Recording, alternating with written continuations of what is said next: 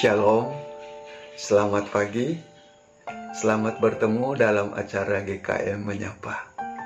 Saudara-saudara, teks renungan kita pagi ini diambil dari 1 Korintus 15 ayat 14. Tetapi andai kata Kristus tidak dibangkitkan, sia-sialah pemberitaan kami dan sia-sia juga kepercayaan kamu.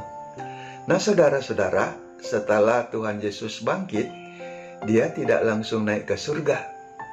Tapi dia masih tinggal 40 hari dan berulang-ulang kali menampakkan dirinya kepada para muridnya. Ternyata Yesus masih harus melakukan tugas sebagai sentuhan akhir kepada mereka berkenaan dengan kondisi dan kepercayaan para muridnya.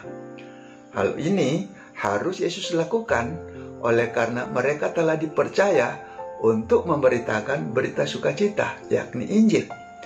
Nah, berita Injil yang sesungguhnya adalah tidak hanya tentang penderitaan dan kematiannya di kayu salib, tetapi juga tentang kebangkitannya. Nah, ketika berbicara tentang kebangkitan, tentunya bukanlah hal yang mudah, mengingat hal itu adalah hal yang tidak masuk akal. Orang-orang tahu benar bahwa tidak mungkin yang sudah mati itu dapat hidup kembali, apalagi manusia. Jangankan orang-orang dari dunia sekuler. Ingat ketika Paulus bicara tentang kebangkitan dalam sidang Areopagus, dia telah ditertawai dan dikatai meleter. Bahkan para murid Kristus pun tidak percaya ketika peristiwa kebangkitan itu disampaikan oleh perempuan-perempuan yang mendatangi kubur Yesus dan mendapati bahwa Kristus telah bangkit melalui penuturan malaikat. Itulah sebabnya dengan kematian sang guru mereka, para murid itu kehilangan harapan. Mereka menjadi skeptis dan kembali lagi ke profesi semula. Padahal Yesus telah mengungkapkan peristiwa kematian dan ke kebangkitannya kepada mereka. Untuk hal inilah, maka Yesus harus menampakkan dirinya kepada mereka agar mereka tahu bahwa kebangkitannya adalah benar-benar terjadi, bahwa itu adalah fakta dan bukan isapan jempol. Saudara, mempercayai kebangkitan Kristus tentulah merupakan hal yang sangat penting.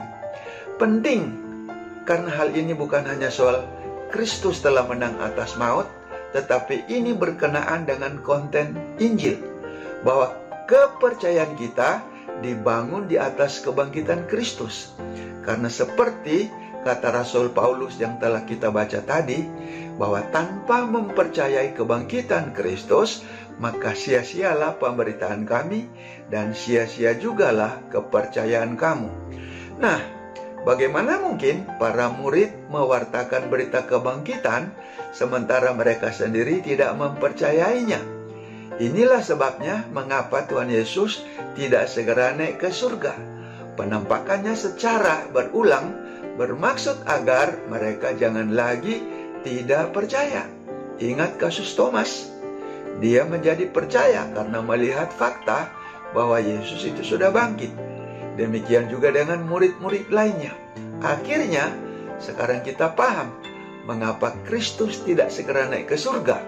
Karena Kristus mengurusi ketidakpercayaan murid-muridnya tentang kebangkitannya, mengingat kebangkitannya adalah hal terpenting berkenaan dengan penugasan mereka dalam mewartakan Injil. Karena tanpa mempercayai kebangkitan Kristus, maka pemberitaan menjadi sia-sia. Demikian juga dengan kekristenan pun kita menjadi sia-sia. Saudara, bagi kita bisa jadi peristiwa kebangkitan belum menjadi keyakinan yang sungguh. Jika ini benar, camkan kata Paulus. Jikalau kita hanya dalam hidup ini menaruh harapan kepada Kristus, yaitu Kristus tanpa kebangkitan, maka kita adalah orang-orang yang paling malang dari segala manusia. 1 Korintus 15 ayat 19. Bagi yang telah sungguh percaya, seharusnya kita bersyukur. Bersyukur karena kita pun beroleh kebangkitan. beroleh kemenangan atas maut. Tetapi berbarengan dengan itu, hendaklah ucapan syukur juga ditandai dengan kesungguhan kita dalam mengasihi Kristus, memuliakan Dia, melayani Dia, dan menjadi saksi Kristus seumur hidup kita. Tuhan Yesus memberkati kita. Amin.